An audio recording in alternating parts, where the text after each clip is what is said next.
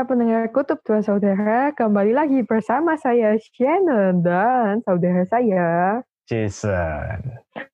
Woi, sebuah konsistensi yang luar biasa hingga bisa mencapai episode 11. Dua minggu sekali, jangan lupa. Eh salah, benar ya? Dua minggu sekali, benar. Mari diapresiasi diri sendiri dulu, karena siapa lagi yang akan mengapresiasi diri kita kalau bukan kita sendiri. Aduh, dalam. Nah. Belum lima menit rekaman udah dalam. uh, di episode yang ke-11 ini kita akan membahas sesuatu. Jadi ini juga apa ya pembahasan sekaligus tantangan, ya kan? Iya enggak. Apa tuh? Ya sebenarnya gimana ya? Kita ini mungkin di dunia modern ini lebih jarang membaca gitu. Benar Terus sekali. pas pas brainstorming sama Shannon ini, eh kita podcast mau ngapain ya? Terus kita mikir, oh gimana kalau kita baca buku yang sama, terus bicarain topiknya gitu. Mm -mm. Nah, jadi buku yang kita baca pada kesempatan kali ini adalah buku karya Martin Meadows. Martin Meadows, ya.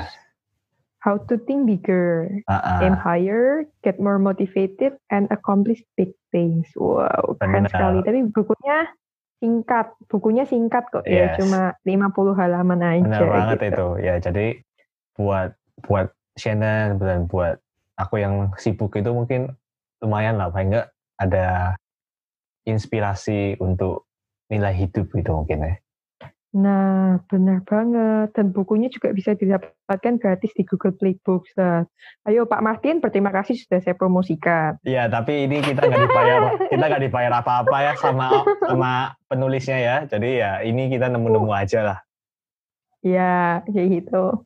Nah, kalau aku nggak salah, kamu tuh udah selesai bacanya udah lama nggak sih? Udah lama banget sih. Nah, kapan tuh kamu baca terus berapa hari selesai? Aku baca itu 10 hari. Mm-mm. Tiap hari dibaca. Enggak juga sih. Kemarin itu yang pas 10 hari itu cuma highlight-highlight doang. Terus baru kemarin ini aku recap lagi kayak poin atau quotes yang statement pentingnya di mana. Hmm, kayak gitu. Jadi, kok Jason tuh selesai bacanya udah lama, aku barusan tadi sore. Iya, emang sistem kebut sistem kebut satu sore emang. Enggak, sebenarnya aku udah baca waktu minggu lalu kan aku bosen banget tuh. Hmm, Ngapain hmm. ya? Yaudah, aku baca dengan penuh amarah gitu karena wah bosen banget mau ngapain lagi gitu, baca buku gitu. Wah ini, Terus aku baca gitu. ini aim higher, th- aim higher dan get more motivatednya karena marah ini. Iya karena marah nih, itu aku baca buku aja nanti kalau enggak nggak sempet gitu. Terus aku baca itu udah kayak sampai setengah buku gitu kan, terus setengahnya aku selesaiin kemarin sama hari ini gitu. Oh gitu. Oke. Heeh.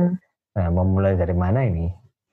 Eh, kok coba kamu kan kamu lebih berpengalaman membaca buku ya. Ini kayak Aduh, buku aduh. yang aku baca setelah kapan? Sudah lama banget aku nggak baca buku soalnya. Nah ini bacanya buku paket paket kuliah doang ini.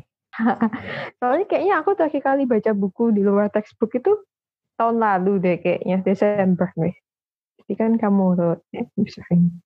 Hmm. Kalau menurutku ya buku ini tuh emang benar singkat banget 50 halaman doang dan basically menurutku buku ini tuh sebagai catatan dari penulisnya untuk nilai hidup dia gitu loh.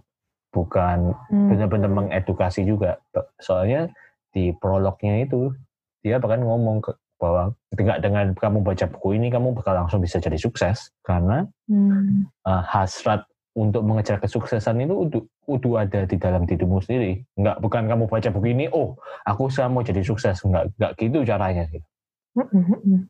Iya, jadi jadi kalau kalian emang udah pengen mau mau jadi sukses, nah buku ini merupakan batu loncatan yang menurutku cukup bagus untuk tahu langkah apa atau poin apa yang mungkin bisa diterapkan dalam hidup sehari-hari. Kalau menurutmu gimana buku ini? Secara keseluruhan gitu ya. Mm-mm. Secara keseluruhan, waktu aku membaca buku ini tuh em, apa ya? Benar-benar kayak penulisnya tuh ngomong sama kita gitu. Iya, terus? Ya nggak sih?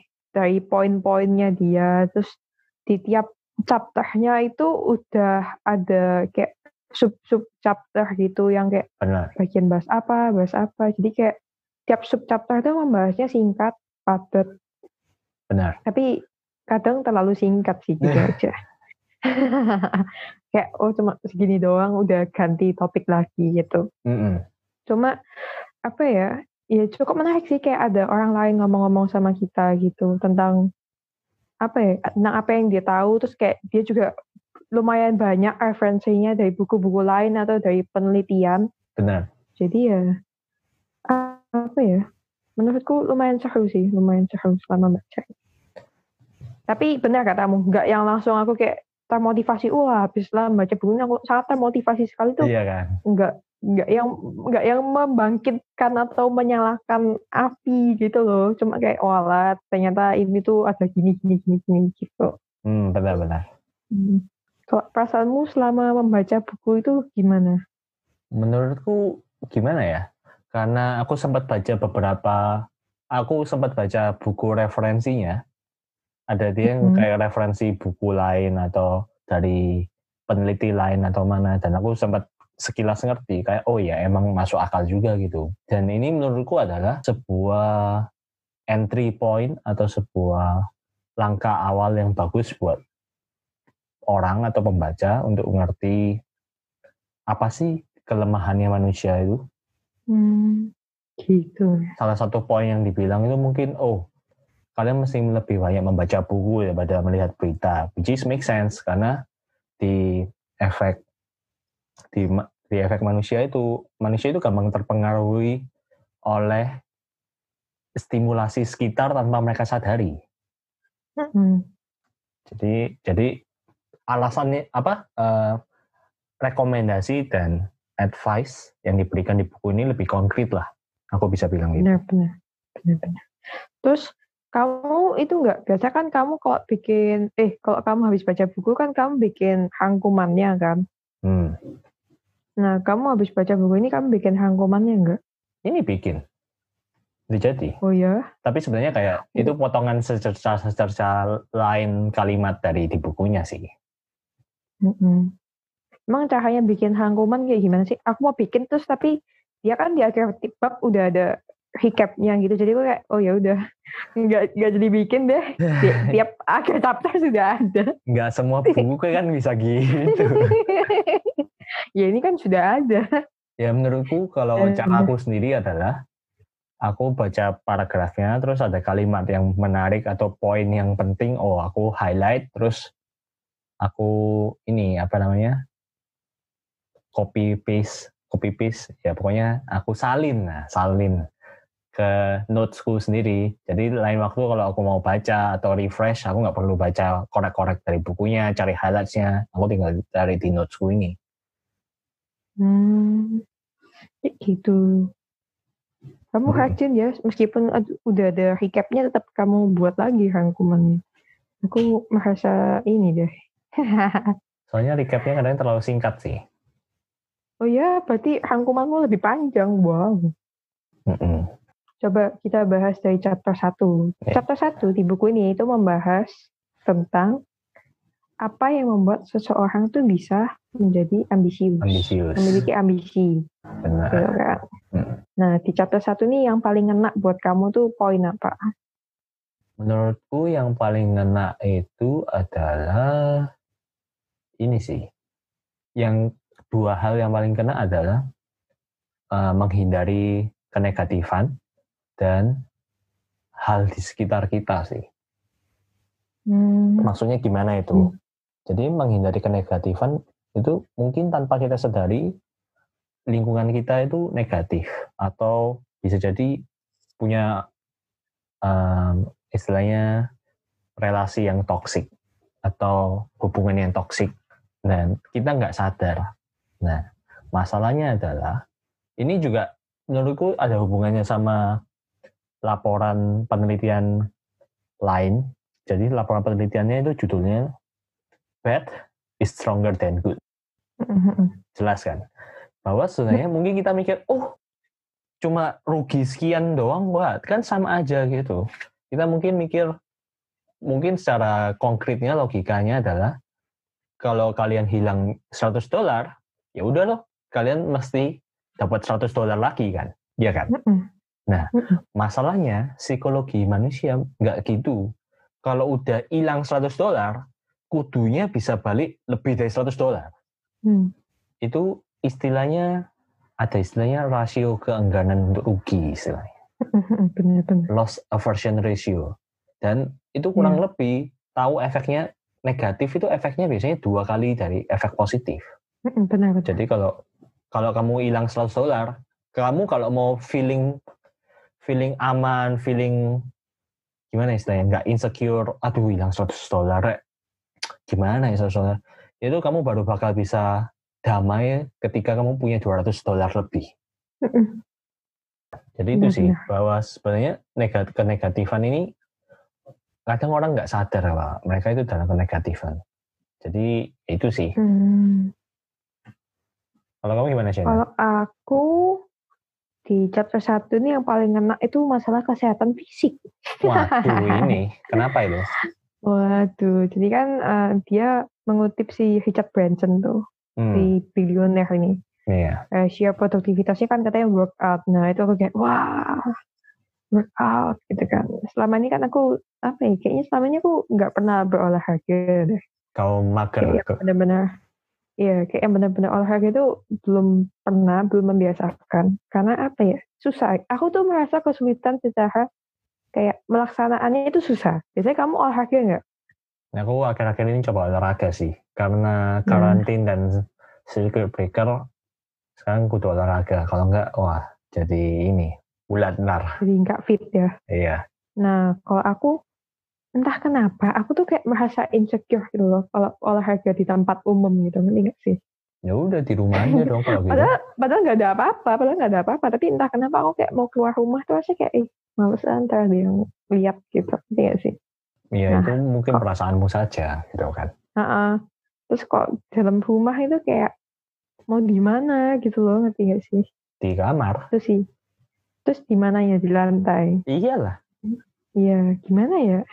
Ayo, Kayak- gimana? Tepu, tepu. Aduh. Itu berarti Ya kurang itulah, kurang emang. bersih di pelnya. ya itu lah emang kebanyakan alasan makanya kurang berolahraga itu sih terus kayak ya ini dia pun bilang rahasia kesuksesannya itu katanya workout saya kayak wah aku nggak pernah berolahraga nih gitu itu sih yang paling enak karena kalau misal kita mau mencapai sesuatu dalam hidup tuh kan kita memang butuh tubuh yang sehat kan tubuh yang sehat Mm-mm. pikiran yang sehat Benar. itu sih jadi ya ya semoga aku bisa memulai lah untuk berolahraga kecil-kecilan gitu kan at least olahraga itu sih kalau aku yang paling enak Mungkin itu juga ada hubungannya sama poin yang dibuat sama buku ini bahwa tidak ada urgensi tersendiri untuk olahraga gitu mungkin. Hmm, yang dia bilang masa urgensi gitu ya semakin Mm-mm. tinggi ya semakin akan dilakukan gitu kan Mm-mm. Mungkin kamu pikir, ah udahlah ming- besok olahraga atau minggu depan olahraga ya. Tapi tapi nggak pernah kejadian. Gitu. wow benar sih kayak kita merasa sehat-sehat aja padahal kita nggak tahu di dalam tubuh kita itu sebenarnya sehat atau enggak gitu kan Hmm, hmm. Mm, mm, mm. Ya, teman-teman membaca, semoga kalian tidak seperti saya. Eh, pembaca, pendengar. tuh kan, tuh kan ini. Pikirannya ke mana-mana. Butuh olahraga ini. Soalnya- Nah, Gak Nah, boleh ini. makan gula lagi saya. Teman-teman pendengar, semoga rajin berolahraga ya. Gitu sih. Coba-coba, chapter berikutnya, chapter berikutnya. Chapter 2 ini tentang apa dong? Nah, biasanya kadang kita itu udah ambisius itu kan. Oh, aku mau dapat A, B, dan C. Tapi sekarang ya, kenapa? Buat apa? Atau buat siapa? Hmm. Nah, kadang salah satu eh, motivatornya mungkin duit. Apa-apa duit. Hmm. Hmm. Bahkan katanya Shannon, oh, apa ya? Shannon kayaknya pernah bilang ke aku, oh, aku kalau udah mau besar, mau sukses, aku mau merasa duit 100 juta itu uang receh. Itu katanya. Kamu juga bales. Oh, kalau aku mau satu miliar seperti receh. Kamu Sama. bales. Sama aja ternyata kan. Iya. Nah, tapi usut punya usut. Meskipun, jadi bahkan ada behavioral scientist itu melakukan studi. Gajimu di Mm-mm. atas 750 juta per tahun, kamu nggak merasa lebih bahagia dalam hidup nggak lebih satisfied dengan itu. Udah nggak kerasa bedanya gitu lah ya kalau udah di atas segitu itu. Mm-mm. Mungkin Hmm. pas awal-awal, wah duitku banyak, aku bisa beli A, B, C, dan D. Terus lama-lama udah banyak itu, aku mau beli apa lagi ya? Mau buat belanja apa lagi ya? Itu sih. Hmm. Jadi di chapter ini dia ngomong bahwa duit itu bukan segalanya. Ya emang ada ngomong, oh duit gak bisa membeli kebahagiaan. Tapi duit bisa beli jet ski yang bisa kurang lebih memberikan kesenangan. Ya nggak salah. Tapi itu cuma sementara. Mhm. Nah, salah satu rekomendasinya itu adalah nggak cuma kenapa. Mungkin kamu perlu tanamkan tanamkan alasan sosialnya gitu. Mungkin buat siapa gitu kan. Misal, oh aku mau jadi kaya, aku mau jadi bilioner atau apa pun lah. Misal eh, apa eh, tujuan materialistik lah misalnya kan. Hmm. Dan oh aku ingin X biar bisa membuat organisasi ini, organisasi X, organisasi charity mana, gitu sih. Jadi perasaan senang bisa berguna, bisa membantu orang itu yang lebih mendorong ya. Mm-mm. Jadi insentifnya nggak cuma di duit doang. Mm-mm. Mot- Motivasi yang memang dari dalam itu lebih Lebih lebih kuat. apa? Ngena, lebih kuat daripada motivasi dari luar. Benar itu banget. buat kamu Ah, yang benar, kamu setuju gitu. benar. Hmm, iya sih, aku juga setuju sih. Gimana gimana emang motivasi dari dalam pasti lebih kuat lah. Itu kan emang udah menyala dari dalam diri kita sendiri gitu kan, Benar banget itu. ya kan? Benar. Kalau kita bergantung sama sesuatu dari luar, kayak orang atau hadiah atau apa pun, terus mereka hilang di sepanjang jalan atau malah nggak kita dapatkan tuh nanti kan semakin apa ya? Semakin nggak stabil lah ya motivasi kita. Iya nggak sih? Benar. Benar, benar, benar, benar. Kalau aku menurutku ada hal menarik yang nggak tahu kamu setuju nggak. Jadi di satu kalimat itu ya, dia ngomong adalah ini terjemahan bahasa Indonesia ya. Ketika kepalamu diisi dengan keraguan terhadap diri sendiri, kamu bakal menyabotase usahamu sendiri. Gimana menurutmu? Aku setuju sih. Maksudnya kalau misal kita sendiri aja nggak percaya sama kita sendiri terus ya gimana dong? Berarti kita udah benar kata dia udah menyabotase diri kita sendiri. Karena kita adalah pendukung terbesar diri kita sendiri ya nggak sih? Oh itu benar banget sih. Jadi bisa Hmm. saja satu dunia itu melawan kita atau nggak setuju dengan kita. Tapi kalau kita sendiri nggak setuju dengan diri kita sendiri, siapa yang mendukung kita gitu kan? Benar banget. Kalau aku chapter 2 ini yang lumayan menarik itu yang masalah menulis loh. Yang kamu tulis apa yang ingin kamu capai. Terus kamu baca sepanjang hari. Itu aku pengen nyoba sih. Cuma ya semoga semoga urgensinya bisa meningkat ya. Supaya bisa segera dilakukan. Iya kan, bener kan? Ya kan? Baca buku itu kayak ya ini menarik untuk dicoba. Tapi tetap aja gitu. Kayak apa ya urgensinya itu loh. Yang Hmm. belum kerasa. Menurutku perlu dikasih deadline sih. Ya benar benar benar banget sih. Jadi kayak misal contohnya aku olahraga ya misal. Aku set Mm-mm. hari ini, hari X, aku mesti lari gitu. Padahal kayak Mm-mm. masih belum harinya, masih dua tiga hari sebelum harinya, tapi otakmu udah mikir, oh hari ini harus lari. Ya udah. Jadi udah siap dulu gitu loh mentalnya. Iya iya. Nanti deh aku update ke kamu ya off record ya kalau udah aku lakukan. Hmm, benar-benar.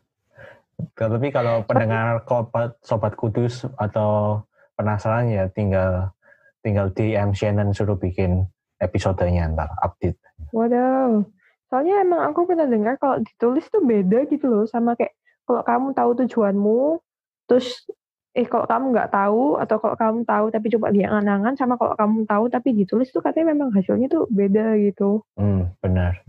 Istilahnya apa ya? Itu lebih konkret, istilahnya lebih jelas. Ah, ah, ah, ah. Istilahnya itu mental accounting gitu loh. Gimana tuh? Jadi cuma di otak doang. Nah, masanya kalau kamu taruh di kepala doang bisa kecampur-campur sama yang lain, terus kamu udah lupa, terus ya udah. Tapi kalau kamu tulis, misal kamu tulis di buku khusus gitu. Apa visi visiku minggu ini kayak tiap minggu kamu berusaha achieve sesuatu kamu bakal oh iya aku mesti ngerjain ini gitu itu nih benar jadi kayak sadar gitu kan nggak kecampur dan jelas banget gitu hmm. yang Baik, susah yang pendek. susah yang susah itu menurutku rutinitas pagi hari sih gimana tuh maksudmu katanya kalau misalnya mau konsisten mesti bikin rutinitas dan biasanya bagus di pagi hari Masalahnya bangun pagi hari itu udah susah gitu mas. Oh iya kan nggak semua orang itu anak pagi. Apa ya bahasa Inggris ya? Early, early bird. bird. Nah, early Benar. bird. Nah, ya nggak semua orang itu kan early bird. Emang kamu night owl kamu? Nggak juga sih sebenarnya sih. Cuma bangun hmm. pagi itu udah kayak aduh mager. Wah, itu akan dibahas di chapter 3 yaitu. Oh, apa ya tuh? chapter 3 ini kan tentang ini judul chapter 3 Chim versus Human How Your Primal Brain Prevents You from Thinking Bigger. Jadi ah. dia membahas dari bukunya The Chim Paradox. Mm -hmm. Mana ada maksudnya? psikiatris bernama Steve Peters yang kayak bilang kalau otak manusia itu bisa dibagi jadi tiga gitu. Ada Chim yang paling apa ya? Primal tuh bahasa Indonesia apa? Kayak paling primitif gitu ya. Hmm, benar. Paling primitif. Jadi dia bergantung sama emosi, terus ada human yang rasional sama ada komputer itu yang diatur oleh Jim dan human. Benar. Kalau kamu susah bangun pagi, itu kan berarti sisi Jim dari yang selalu Benar banget emosi itu. kan selalu minta kenyamanan gitu kan. Tapi dipikir-pikir ya, waktu aku baca tentang tiga bagian otak itu aku jadi keinget Sigmund Freud gitu sih, ya gak sih? Mirip gak? Kamu Sigmund Freud gak? yang ego, it sama it, super ego ya? Iya, cuma beda super egonya doang kayaknya. Iya gak sih? Mirip gak sih? Mirip sih, mirip sih. Mirip. Iya kan? Iya kan? Mirip, mirip. ego itu ya ini kan. Yang rasional. Oh bukan dong, ego yang rasional. Iya, iya, yang rasional ya. Yang iya. it itu it, it itu yang buat kepuasan pribadi kan. Oh gitu ya. Iya, yang oh, dorongan. Okay. Super ego yang maintain lah kalau gitu kan. Yang moral. Ya, benar. Wih, lulus matkul. Uh. Nah, sedangkan, sedangkan aku baca buku yang lain kan. Aku baca buku Thinking Fast and Slow gitu. Mm -hmm. Jadi di Thinking Fast and Slow, Daniel Kahneman itu deskripsinya mirip. Jadi ada sistem satu yang semuanya serba cepat, dan sistem dua yang lebih lama, lebih pelan prosesnya. Nah, sistem satu ini mm -hmm. menurutku mirip The Gym sih. Karena insting, udah oh kalau misalnya apa langsung mesti ngapain gitu nggak perlu dipikir reasoningnya lain-lain gitu kalau human menurutku human dan komputer itu gabungannya jadi sistem dua sih menurutku sih hmm. terus terus terus nah jadi ini gimana nih kenapa kok ada bagian otak manusia yang kayak orang hutan atau cimpanse ya? Ya, hmm. salah kamu satu. nanya ke aku atau kamu mau nanya dan menjawab sih Aku tanya ke kamu ini. Kenapa ada? Wah, kok pertanyaanmu sulit gitu? Jadi seakan-akan aku yang mau menulis buku ini. Enggak, kalau menurutmu setuju nggak sih sebenarnya bahwa otak manusia itu hanyalah nggak beda sama simpanse kan? Wah, ini kontroversial nih pernyataanmu. Enggak lah, maksudnya kayak manusia lebih ada apa rasionya gitu. Iya gak sih? Kita kan rasio, kan bukan... rasio atau rasional maksudmu? Kita ada apa bahasa Indonesia? Rasionalisme. Ras rasio. Kenapa jadi berdebat sih? KBBI. Rasio. Iya, gimana? Iya, rasio benar. Eh, kamu yang nggak bisa bahasa Indonesia. ya menurutku kita masih lebih ada rasionya gitu dibanding Kim. Hmm. Makanya kita punya sisi human. Ya enggak sih? Tapi kita tetap apa ya? Wah, nanti kita malah membahas ini nanti apa definisi manusia, hakikat manusia. Ya, Kenapa kok dia bisa seperti itu? pusing, pusing. Botak itu nanti kamu berfilsafat. Gak apa-apa. Itu uh, episode spesial satu jam ya ntar. Eh, ini udah hampir satu jam. Episode Wah. spesial tiga jam kalau gitu. Itu pengantar video gitu. Jadi gimana nih chapter 3? Apa yang paling berkesan untukmu?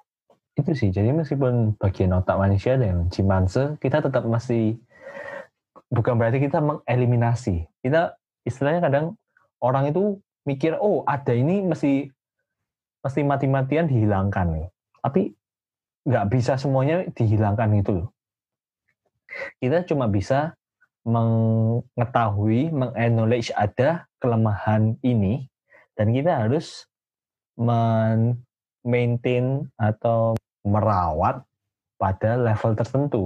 Jadi nggak sampai overwhelming, hmm, overwhelming gitu ya? the human and the uh, human and the computer. Makanya di satu satu satu statement yang ngomong, oh ya janjikan aja reward atau penghargaan buat cimpanse in the human itu loh, cimpanse in the brain. Gitu. Mm -mm. Itu berarti kayak waktu jujur aja waktu baca chapter ini kayak mulai kerasa psikologinya gitu loh kayak reward atau punishment itu kan kayak konsepnya Skinner gitu. Kamu tahu hmm. Skinner kan? Hmm, nggak ya begitu kan? tahu. Ya tapi, intinya kan kayak maaf. Ya, ya itu sih insentif keuangan tapi belum tentu efektif lah. Ya kan nggak harus uang. Hmm, ya itu. Tapi Gimana sih kan, bisa bisa explain Skinner reward punishment? Wah, jadi kuliah nih.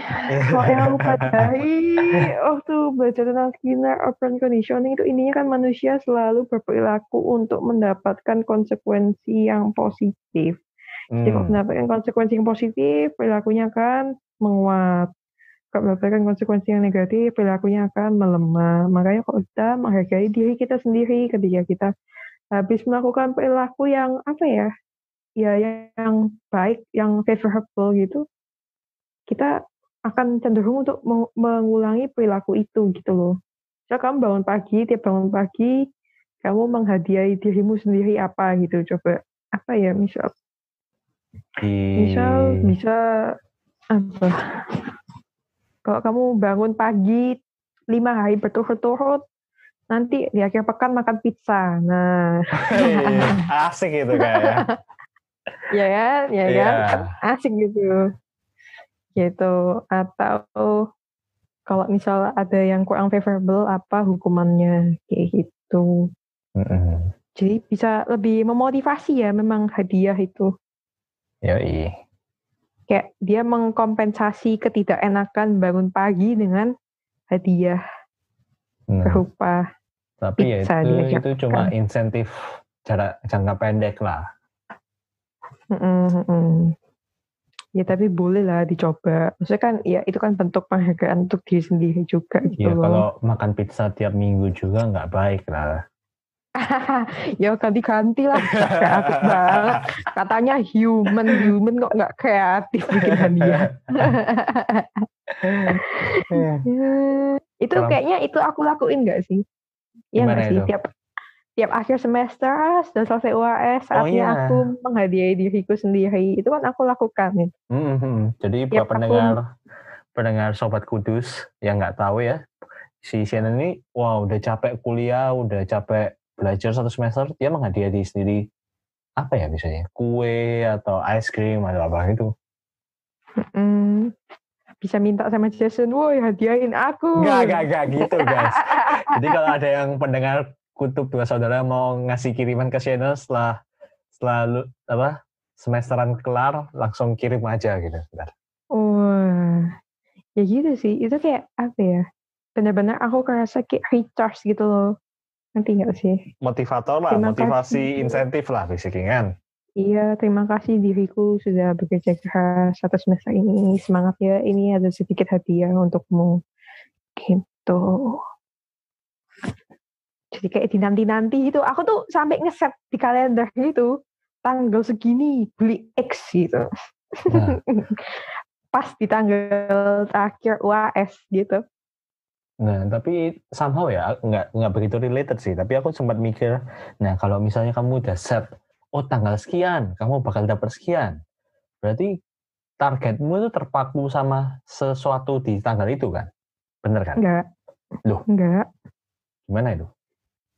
Iya maksudnya belinya tanggal sekian, tapi selama itu kita harus tetap apa ya, tetap berusaha gitu loh. Iya Tetap benar hidup benar. seperti benar. biasa. Maksudnya gitu. hidup seperti biasa, berusaha yang terbaik kan. Mm-mm. Dan somehow uh, force of nature datang. Somehow misal Mm. toko es krimnya habis gitu misal.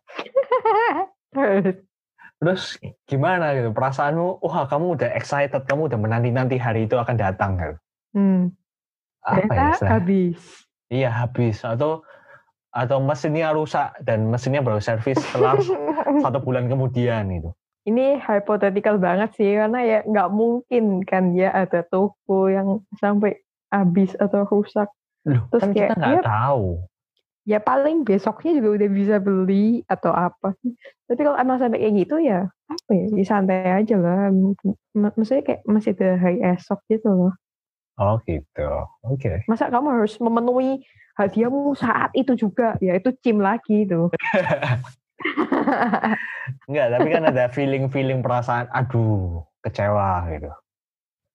ah lah, itu kamu harus baca buku yang lain tuh untuk bersikap bodoh amat. Oh, udah, udah, udah baca itu. Iya, Oke, bodoh akal. amat. Oke, kita lanjut. Kurang berapa chapter nih? Tiga, masih ada tiga Eh, chapter. tiga. Chapter keempat ini tentang apa kak? Loh, aku udah ngomong tentang ini dari tadi, giliranmu lah yang kasih, kasih, apa, kasih informasi sekilas buat pendengar dong. Baiklah, sebagai saudara yang baik, saya akan mendengarkan kata-kata kakak saya sehingga saya akan membahas tentang chapter 4, judulnya Competitiveness and Collaboration Drive Ambition. Ah, Jadi dia di sini membahas tentang kompetisi dan kolaborasi. Kayak kalau misal apa ya? Oh, kompetisi itu bisa meningkatkan performa kita ya, tapi bukan cuma apa kompetisinya aja, tapi lebih ke sikap kita gitu kan. mm, Ketika kita berusaha untuk berhasil sama kita berusaha supaya nggak terlalu jelek atau supaya nggak gagal, itu hasilnya beda beda banget. itu aku kayak wow jadi berikut berikutnya kalau misalnya kita mau buat tujuan harus benar-benar yang Jelas. ngeset oh aku mau berhasil gitu bukan mau ya yang penting cukup atau yang penting Benar. nggak apa nggak nggak terlalu jelek lah gitu tapi benar-benar yang harus berhasil Benar. Makanya Hmm. aku juga sempat heran itu pas baca komennya, oh, meta sebuah meta analisis menunjukkan bahwa tidak ada hubungan antara kompetisi dan hasil. Terus, hah? Ini ngomong apa? Terus ternyata yaitu setelah dia paparkan bahwa ada dua gaya yang saling meng- menghilangkan. Satu, eh, ketika kamu berpartisipasi untuk menjadi lebih terbaik atau untuk tidak jelek-jelek amat. Makanya aku mikir itu, loh bukannya kalau kamu kamu kompetisi, bukannya kayak lagunya Pokemon itu, I want to be the very best itu ya? enggak lah ada lah pasti orang-orang ya yang penting cukup Iya, yang iya. penting nggak paling bawah Atau mungkin yang gengsi tantang gitu loh.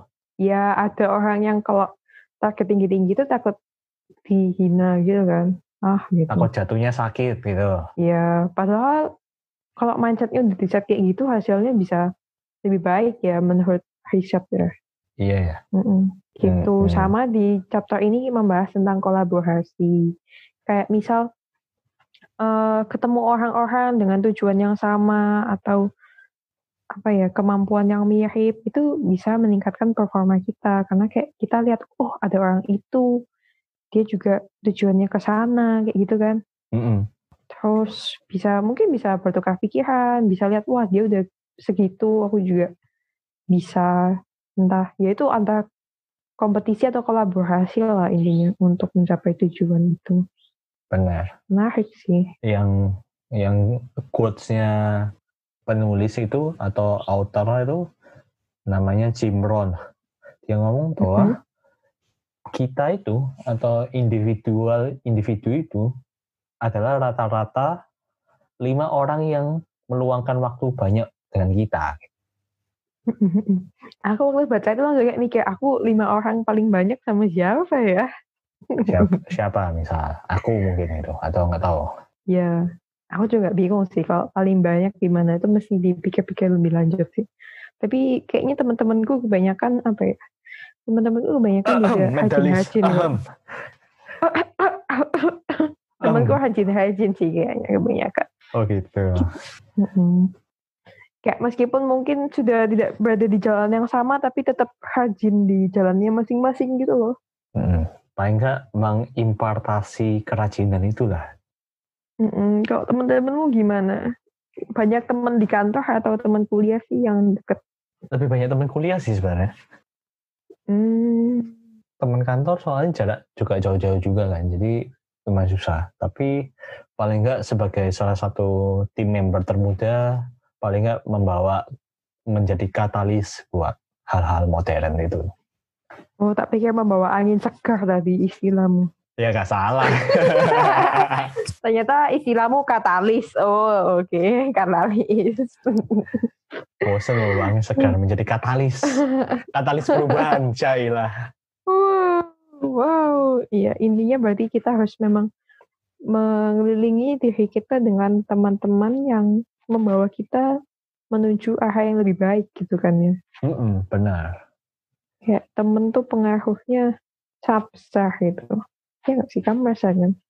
Benar banget sih, tanpa kita sadari, itu kita juga terpengaruh oleh teman. Uh, tahu itu nggak sih rumor yang, rumor, atau mitos yang katanya, oh kalau orang nikah atau orang gimana mukanya makin mirip gitu katanya. Hmm. Pernah dengar nggak sih? Iya. Itu pernah kita baca di sebuah komik yang sama, saudaraku. Oh ya, benarkah? Benar. Ada tapi, komiknya dulu kita baca. Tapi usut punya usut itu juga nggak salah. Mm-mm. Kalau nggak salah ada studi yang menunjukkan bahwa oh karena sudah meluangkan waktu yang lama bersama gitu, micro expression Mm-mm. otot micro expression mukanya itu mengikuti pasangannya gitu. Mm-mm. Senangnya sama-sama, sedihnya sama-sama gitu kan. Mm-mm. Jadi otot jadi mirip. Mirip gitu benar. Hmm, kayak kita ya, sekeluarga mirip ya. Ya, Amin keluarga saudara ya harusnya mirip dong. Ya, um, oh oke okay, oke. Okay. Masuk okay. akal dong. Iya gitu. Iya, itulah teman yang baik penting. Hmm, kurangi influensi negatif, influensi buruk karena negatif lebih berdampak pada positif. Mm -mm. Istilahnya Kalau apa? Membahas apa? Nila setitik rusak sebelahnya. Ah, ah, benar. Tapi kalau mau membahas cara apa ya, cara mencari teman atau kisah-kisah pertemanan itu bisa satu episode sendiri. Waduh, benar. Ya, jadi jangan lupa ingetin kita bikin episode itu di komen di mana pun. Gitu deh. Lanjut kurang dua chapter ya? Yoi, eh tiga dong. Ya udahlah, Coba yang berikutnya ini tentang apa nih? Jadi, nah ini aku aku suka uh, uh, bab-bab yang membahas kesenian nih, gila men. Nah, bab lima ini judulnya The Art of Focus. Wah, gila men. Hmm. Di dunia modern ini, yang semuanya serba cepat ini, yang apa-apa ekspektasinya secepat bikin mie instan, fokus itu penting, tapi susah banget sekarang. Mm -mm. Ada yang ngomong, wah generasi modern ini nggak bisa fokus, generasi ikan emas gitu. nah, tapi kenapa gitu? Kenapa? Kenapa kok kita mesti fokus? Nah, di buku ini katanya dia ngomong, oh kalau dengan fokus itu, kamu lebih termotivasi untuk mengejar tujuan yang besar. Jadi nggak ke gampang teralihkan dengan hal-hal lain. Dan dengan fokus yang baik, tentunya bakal meningkatkan performa kalian lah. Hmm. Dan ya itu, kalau kalian fokus, kalian nggak bakal gampang terpengaruh atau ngerjain yang lain-lain. Kalau misalnya kamu mau ngerjain A, ya ngerjain A doang. Nggak ngerjain A, B, C. Terus makin banyak yang dikerjain, ya kelar-kelar A yang gitu kan. Mm Jadi menurutmu, yang menurutmu paling resonate dari bab ini gimana itu? Aku paling suka waktu baca bagian si penulis ini nyuruh kita untuk membiasakan pergi keluar jauh dari banyak orang, menghabiskan waktu sendiri dengan pikiran. Jadi bisa fokus ke hal-hal yang besar dan yang penting gitu. Soalnya apa ya? Ya itu apalagi dia bilang suruh perginya ke nature gitu. Aku kayak oh ya I love nature. Ngerti gak sih? Ah, kalau itu mah itu emang alasanmu buat jadi pengejar senja emang. Enggak, maksudnya tapi emang benar gitu. Kita hidup saya itu Coba deh lihat kamarmu. Kamarmu tuh ada warna apa aja di sana. Kamarku ada warna ungu, coklat, hijau, biru, abu-abu, hitam, putih, kuning, shalalalala. Itu kayak apa ya? Itu udah stimulus warna gitu kan. Hmm. Belum suara, belum bentuk, belum apa. Itu kayak apa ya? Sangat memenuhi pikiran gitu loh. Ngerti gak sih? Kita hidup saya ini tuh kayak over gitu loh. Ngerti gak sih? Mungkin kamu butuh meditasi mengfokuskan pikiran terhadap ke, kes, kesunyian gitu. Iya, tapi masa aku hidup saya meditasi terus gitu, tutup mata gitu. Ya itu. Enggak. Jadi rutinitas pagi hari. Enggak gitu juga. tapi masa berjam-jam. Terus saya hidupnya bagaimana? Ya setengah jam doang dong. Menurutku emang kayak apa? Ya, pergi menjauh tanpa ada banyak orang tuh emang enak gitu loh. Kita bisa menjauh ini semua apalagi ke alam yang apa ya, ya hijau, hijau semua gitu. Nanti gak sih? Juga emang hijau. Rasanya tuh apa? Duit juga warna hijau. Oh iya, itu berarti kan harus masuk ke ke bungkah duit gitu. Bungkahnya bank itu, kamu cuci matanya duit. itu sih emang kayak perlu menjauh dari stimulus-stimulus yang mengganggu pikiran kita sehari supaya bisa berpikir dan berfokus lebih jelas gitu ya aku tapi karena ini kita harus di rumah aja ya paling aku ke apa ya ke balkon lah aku lihat langit gitu udah lumayan kamu, gitu. kamu mesti lihat YouTube video drone footage taman atau hutan gitu kali ada, aku pernah kayak gitu. Serius pernah gitu? Serius pernah. Sedih banget. Sedih banget hidup saya. Cuma hmm. apa ya beda lah lihat layar matamu tambah sakit tahu.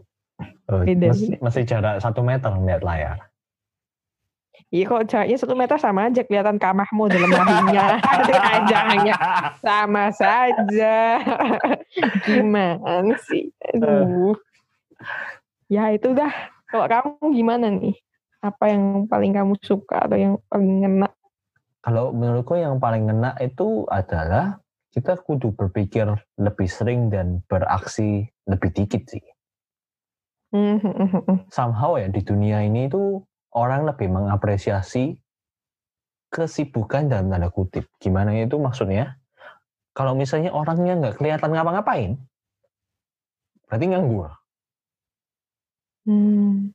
Contoh paling stereotipikalnya adalah kamu lagi belajar di kamar. Terus? Tapi di lihatnya di komputer. Terus, Terus? Orang tua ngomong-ngomong, kamu ini main komputer aja gitu. Aku aku belajar, aku aku lagi mikir, lagi mencerna informasi gitu. Mm -mm. Kalau misalnya manusia nggak terlihat sibuk, nggak terlihat bergerak, kadang dikira oh orang ini aduh orang ini tidak bakal sukses kurang kurang banyak kurang banyak gerak kurang kurang mengambil aksi gitu nah, padahal nah, somehow mungkin orang ini lagi berpikir berpikir gimana caranya untuk mencapai tujuan tersebut dengan sumber daya atau cara paling sederhana kadang orang orang luar sana sangat mengapresiasi oh terima kasih sudah membuat ini dengan cepat gitu. Tapi mungkin hasil yang dibuat dengan cepat itu cuma istilahnya sustainable on the short term. Cuma jangka pendek doang bisa dirawat dan lain-lain. Tapi di jangka panjang itu bukan solusi yang bagus. Jadi manusia itu kudu sering mikir benar-benar. Ya, gimana ya ngomongnya? Mikir secara keseluruhan untuk menyelesaikan masalah atau mencapai tujuan itu lumayan jelek sih di dunia modern ini. Mm -hmm. Wah, orang overtime atau orang gimana? Ya bukan bukan berarti overtime mereka cuma pura-pura sibuk doang ya. Tapi ya itu kalau misalnya nggak efektif, kamu kelihatan sibuk kerja tapi nggak efektif buat apa gitu kan? Benar, benar, benar. Jadi kita nggak boleh meremehkan orang yang kelihatannya nganggur-nganggur gitu ya. Bisa jadi dia emang udah selesai duluan atau lagi mikir supaya bisa cepat selesai. Mm -mm, mm -mm. Dia lagi mikir biar Hmm. bisa cepat selesai dengan dana atau budget yang lebih sedikit kita kan juga nggak tahu juga kan. Mm-mm, benar sih. Apa istilahnya? Kerja cerdas. Kerja cerdas, work smart, Work smarter. not work hard. Benar. Iyo, Menarik ya. Kita lanjut ke Eh chapter bentar, 6. bentar. Aku mau ngomong Oh, belum, ini. belum. Yo. Aku mau ngomong Oh, ini. ya. lewat. Ada yang menarik. Ada istilahnya Apa itu? eh masuk ke dalam zona. Zona apa? Zona dia ngomong di positive psychology namanya flow. Mm-mm. Jadi eh, mental state dengan imersi penuh dalam proses itu. Pernah nggak sih kamu kayak kamu lagi ngerjain sesuatu, kamu fokus penuh sama itu dan nggak terpengaruh hal lain sama sekali? Pernah. Biasanya dua jam menjelang deadline. Waduh, emang ya enggak, enggak, enggak. Ya pokoknya pernah lah. Pernah. situasinya situasinya gimana? Cuma ngejar deadline doang. Eh, ya enggak, enggak juga sih. Kadang kan emang kalau kita lagi ngerjain sesuatu yang kita suka pasti kayak 100% fokus ke situ enggak sih? Kayak udah enjoy gitu. Jadi waktu dan waktu itu udah enggak ada rasanya gitu. Mm, mm, mm, mm, benar. Mm. Terus terus. Aku ini sih, ini sebenarnya kayaknya terkait sama bab 7 sih kayaknya ya. Mm-mm. cara masuk ke flow itu adalah menghi- menghilangkan peralihan atau distraction. Mm-mm. Biasanya aku ngalamin ini tuh kalau lagi ngoding gitu kan. Mm-mm. Nah, tapi ngodingnya adalah gak boleh megang HP sama sekali dan gak boleh ada aplikasi chat yang aku buka di komputer. Mm-mm. Jadi semua aplikasi chat aku tutup, HP aku taruh kantong. Jadi kalau mau ngeliat HP mesti ngeluarin dari kantong, which is susah kalau misalnya pakai skinny gitu kan. Wah, kopinya pakai skinny. Anyway, bukan itu poinnya. Terus pasang lagu, fokus, wah itu bisa dua jam. Gak kerasa, hah udah dua jam coding. Itu sih, cara masuk ke flow sih. Jadi fokus di sini dan gini. Mm-mm, benar. Here and now. Mantap. Itu lebih apa? Lebih fokus, lebih cepat kerjanya gitu ya. Secara perhatiannya kamu kan cuma kasih ke situ doang kan. Gak kamu kasih ke Hmm. lain-lain, definitely lebih cepat lah. Nah, banget. Oke, kita lanjutkan Lanjut. ke chapter 6, How to Achieve the Impossible. Ah, ini Oh ini gimana dibuka ini? dengan quote yang bagus ya.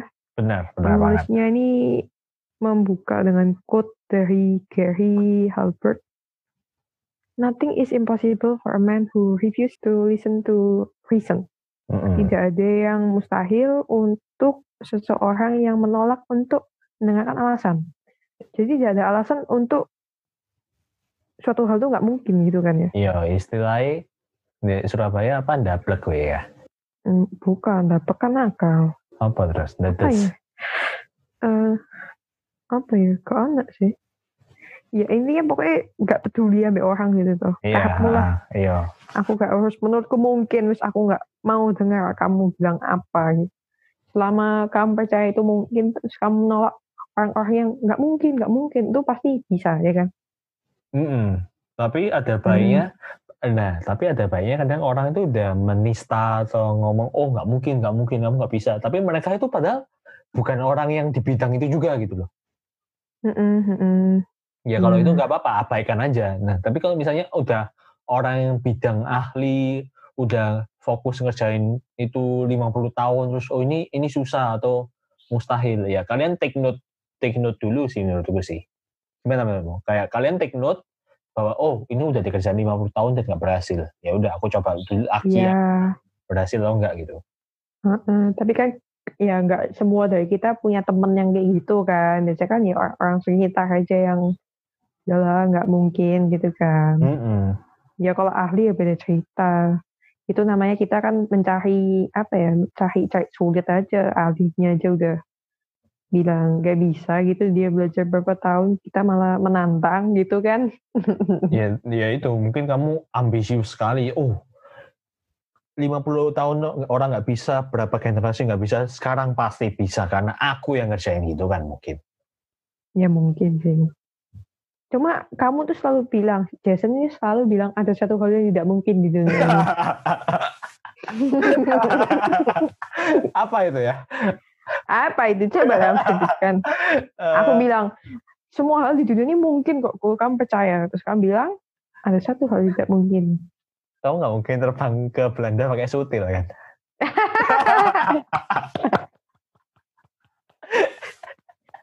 ya para pendengar silakan menciptakan sutil bang untuk membantah omongan Jason. sutil terbang. Oh, masih ingat ya ternyata. yes. Itu kan saat menancap itu. Ya, gimana ya? Ya juga ya. gimana? Eh, tapi kalau misalnya tiba-tiba salah satu pendengar kita bikin mobil terbang bentuk sutil aku gak bisa ngomong apa-apa. Iya ditunggu lah lihat aja nanti. Sutil hmm. terbang. Udah kayak kendaraannya SpongeBob itu cocok kan? Iya kan?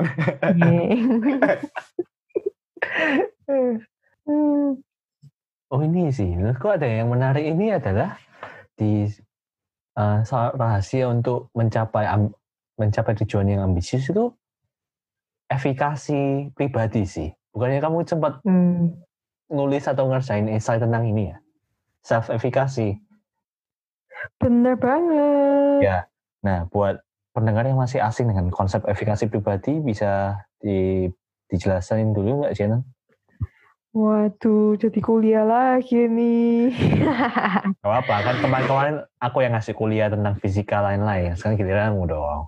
Ah, mana ada kuliah tentang fisika? Eh, eh, eh, tentang musik. Jangan lupa episode musik. Gimana ya, kalau secara sederhana sih intinya self efficacy itu keyakinan akan diri sendiri kayak apa keyakinan akan kemampuan kita untuk mencapai suatu hal gitu loh nanti hmm, sih. Misal hmm. aku yakin aku mampu untuk mendapatkan nilai 100 di ujian ini gitu-gitu. Jadi kemampuannya beda sama self confidence dan lain-lain ya itu bisa cari sendiri. Kemampuannya? Iya, keyakinan akan kemampuan gitu. Ah oke okay, oke okay, oke. Okay. Tingkat keyakinannya lah ya. Mm -mm. Oke. Okay. Terus gimana? Nah, yang yang mengeluarkan konsep tentang self efficacy ini dia kutip penulisnya ini mengutip dari Albert Bandura itu. Waduh, nggak kenal. Terus ya, hmm, ini materi semester lalu sih. Intinya kayak ada beberapa faktor gitu yang mempengaruhi self efficacy. Misal kayak pengalaman keberhasilan di masa lalu. Hmm. Terus apa lagi ya nggak hafal nih.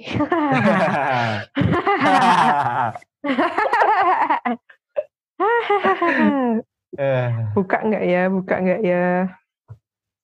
Perlu dicariin nggak? Barang. Kalau kamu ngasih apa memberikan memberikan mengedukasi pendengar juga gak apa-apa. Ya sebentar ya kalau begitu ya mohon maaf saya tidak hafal harus Oke. Okay. Mainkan nada tunggu sekarang.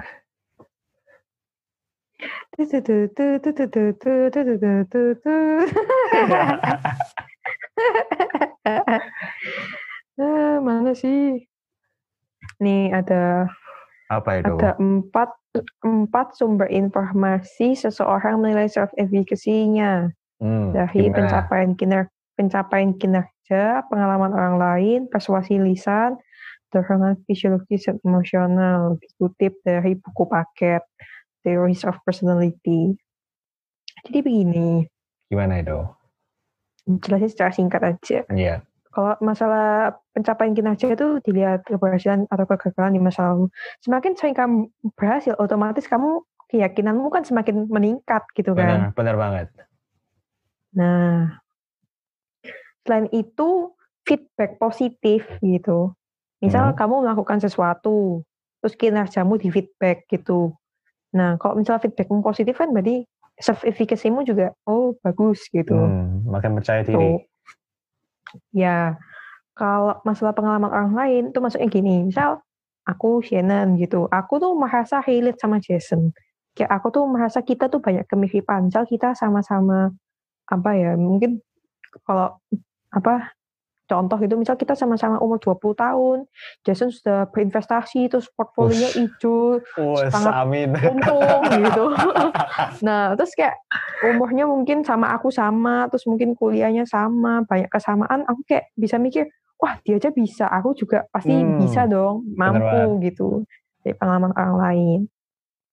Atau kalau persuasi lisan ya berarti dari feedback, feedback tadi itu misal orang-orang meyakinkan, menyampaikan, eh kamu bisa kok, kamu mampu, itu juga bisa meningkatkan penilaian tentang sertifikasimu sama terakhir dorongan fisiologis dan emosional yang dirasakan dalam suatu situasi. Jadi misal kalau kondisi fisikmu baik, emosimu positif, yaitu self efficacymu bisa lebih tinggi.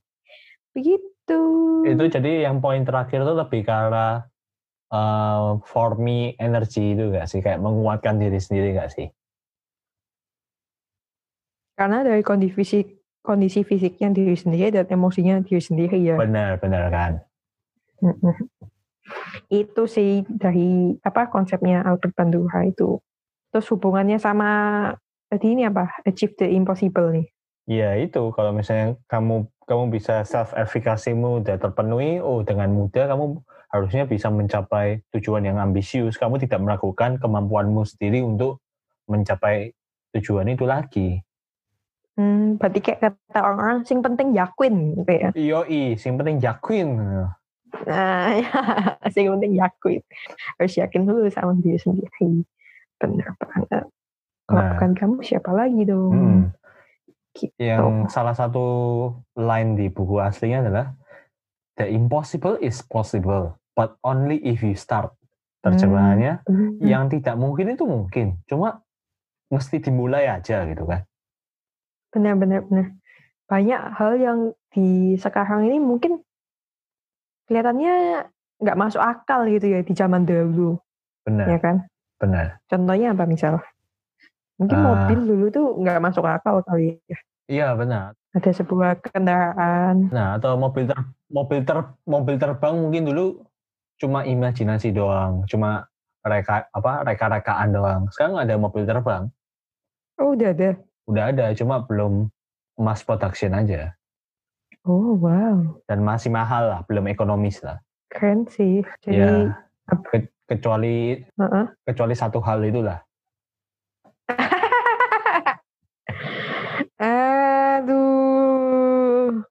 coba aku kuliah otomatis, eh, coba aku kuliah otomotif atau apa teknik penerbangan tak bikin nos itu terbang. yeah.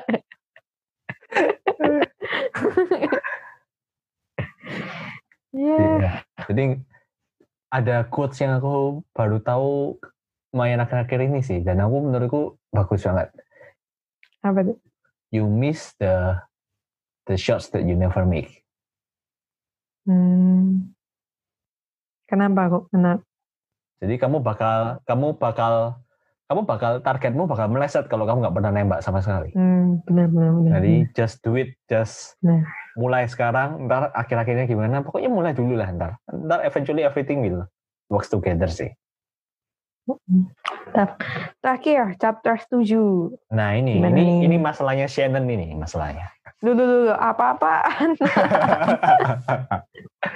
nah, chapter 7 ini judulnya adalah bahayanya untuk ambisius berlebihan dan bagaimana untuk menghindarinya. Wah, ini Shannon banget ya. Kenapa? Ya kamu itu sangat ambisius di mataku sih. Kayak, oh, oh, aku ini merasa kurang dengan dengan aktivitasku ini. Aku masih banyak energi yang tersisa. Menurutmu aku mesti menarget apa lagi? Aduh, gila men. Gila ya, emang energi anak 19-20an itu. Yo, iya, makanya. Ini maksudnya umur 19 dan 19 sampai 20 kan? Iya. Dan Setelah aku ngomong kok kayak lahir 19-20.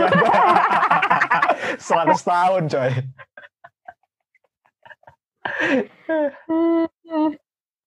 ya sih, menurutku chapter 7 ini salah satu chapter yang aku suka deh.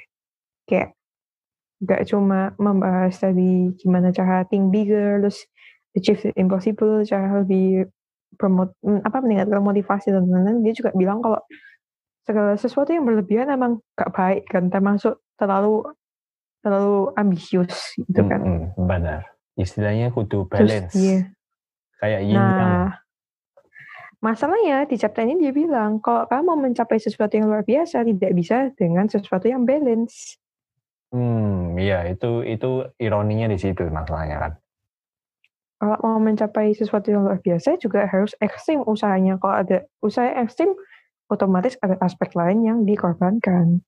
Nah itu istilahnya kayak yang mimnya pas zaman kuliah itu antara kamu mau nilai bagus, punya teman, atau kurang tidur, tidur. gitu pokoknya. Kalau yang bisa semua tuh bukan manusia, itu kan? Iya benar, itu itu alien atau robot itu mungkin.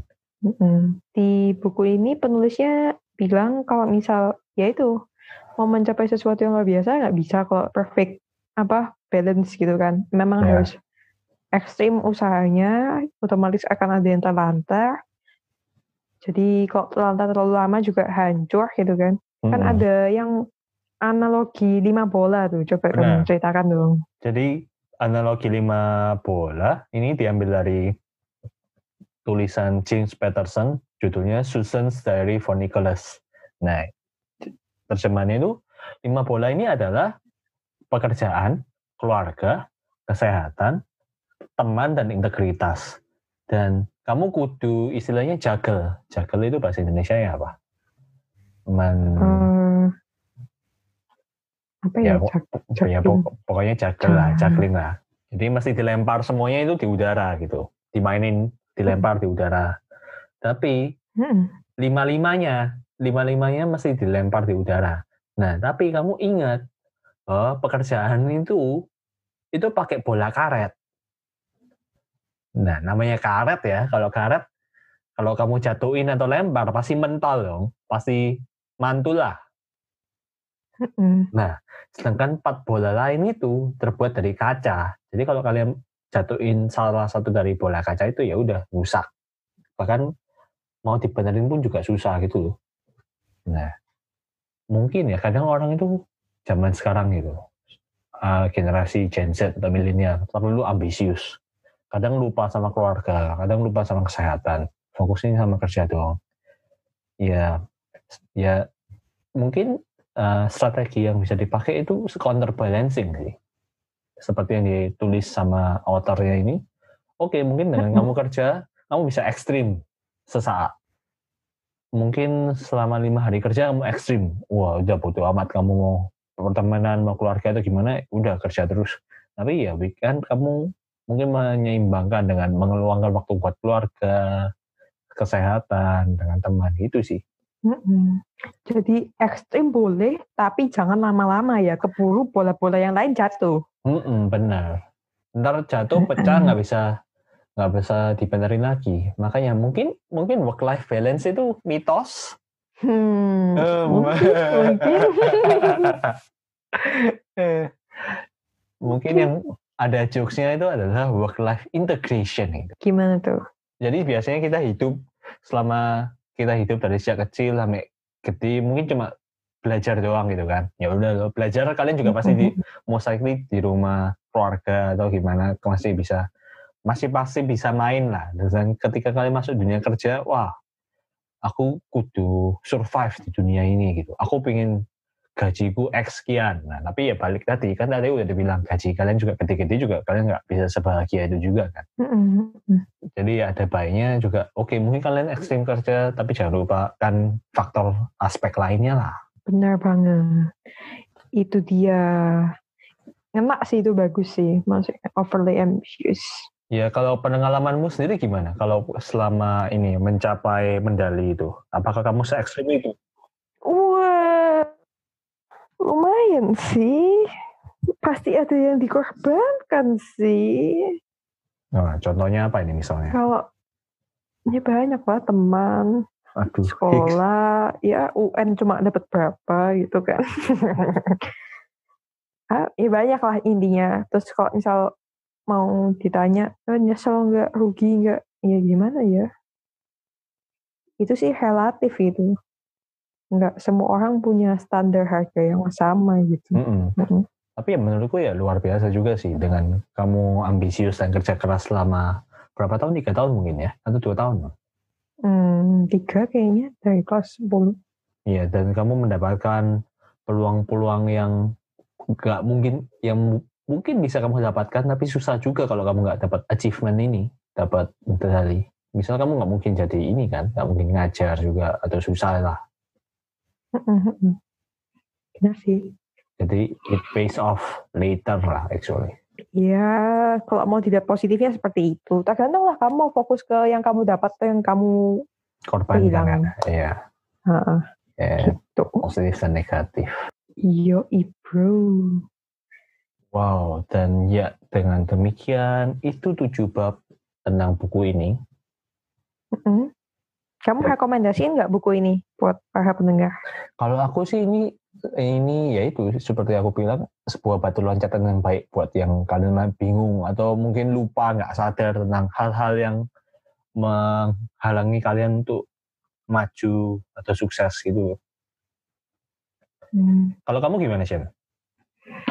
Kalau menurutku buku ini ya bolehlah buat dibaca sama teman-teman pendengar. Soalnya kayak bacanya juga nggak susah gitu. Bahasanya mudah dimengerti meskipun dia pakai bahasa Inggris. Hmm. Terus apa ya? Ya itu singkat pada jelas. Di akhir kalau kamu mau referensi-referensi tambahan dia udah bikin daftarnya. Ya kan? Udah Benar, daftarnya kalau kamu butuh bacaan Lengkap rekomendasi dia lengkap. Dari buku kaitan sama referensi jurnalnya ada semua ntar. Ha-ha. Jadi ya oke lah untuk dibaca. Kayaknya buku ini kok dari 1 sampai 10 aku kasih nilai tujuh setengah lah. Aku setuju sih, sekitar 7 atau 8 gitu sih menurutku sih. Mm-mm. Benar. Gitu ya kembali lagi kepada chapter awal membaca buku tuh lebih bermanfaat daripada kebanyakan melihat berita-berita atau uh, Iya. tontonan-tontonan yang sedih atau yang toksik ada yang membawa hal-hal negatif. Jadi ya udahlah baca aja gitu. Ah, kalau kalian misalnya bosen, kalian juga bisa baca kamus gitu juga kan, terus bikin YouTube video, itu ntar kalian juga bakal populer juga. Eh? Kok nggak Iya. paham sih aku? Jadi ini agak segue atau ini ya, eh, tahu mungkin pendengar kutub dua saudara tahu namanya youtuber Mr. Beast kan? Oh iya iya iya. iya. Yang murah Iya, hati jadi- itu. Ah, ah, yang murah hati. Tapi pas awal-awalnya itu dia itu kadang ngelakuin hal yang ekstrim gitu. Mungkin baca kamus bahasa Inggris dari awal sampai akhir gitu. Mm-mm. Ya udah. Ya mungkin eventually something something yang gimana ya? Mungkin membacanya nggak tahu sih membaca kamus somehow membaca buku bisa membawa kesuksesan secara langsung Eh, menjadi viral gitu nggak tahu deh. Oke, demikian. Demikian episode kali ini akan ditutup oleh Jason. Aduh, iya. Dengan pepatah atau peribahasa ini? Pepatah. Oh, pepatah ya. Oke. Jadi pepatah kali ini adalah payah di lamun ombak, tercapai juga tanah tepi. Artinya Setelah mengalami banyak kesukaran, barulah tercapai apa yang diidam-idamkan. wow. Nah, jadi kalian mungkin yang uh, lagi berjalan untuk mencapai sesuatu yang lebih besar atau tujuan ambisius kalian, mungkin kalian bakal mengalami kegagalan atau mengalami mengalami rintangan itu kan. Mm-mm. Tapi namanya hidup ini nggak semuanya selalu adem, nggak semuanya selalu mulus gitu.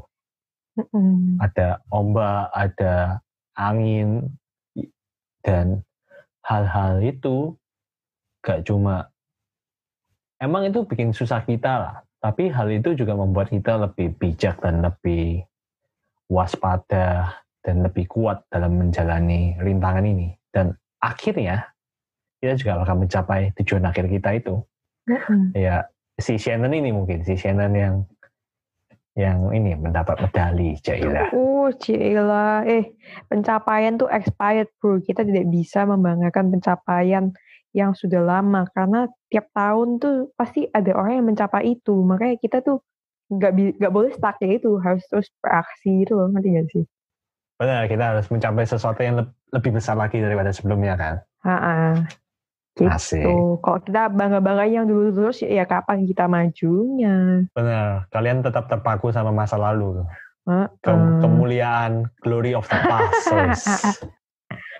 Gitu sih, ya habis dicapai jangan lupa cari tujuan baru, target baru. Benar. Nanti bersusah-susah lagi, capai lagi, ya itulah hidup.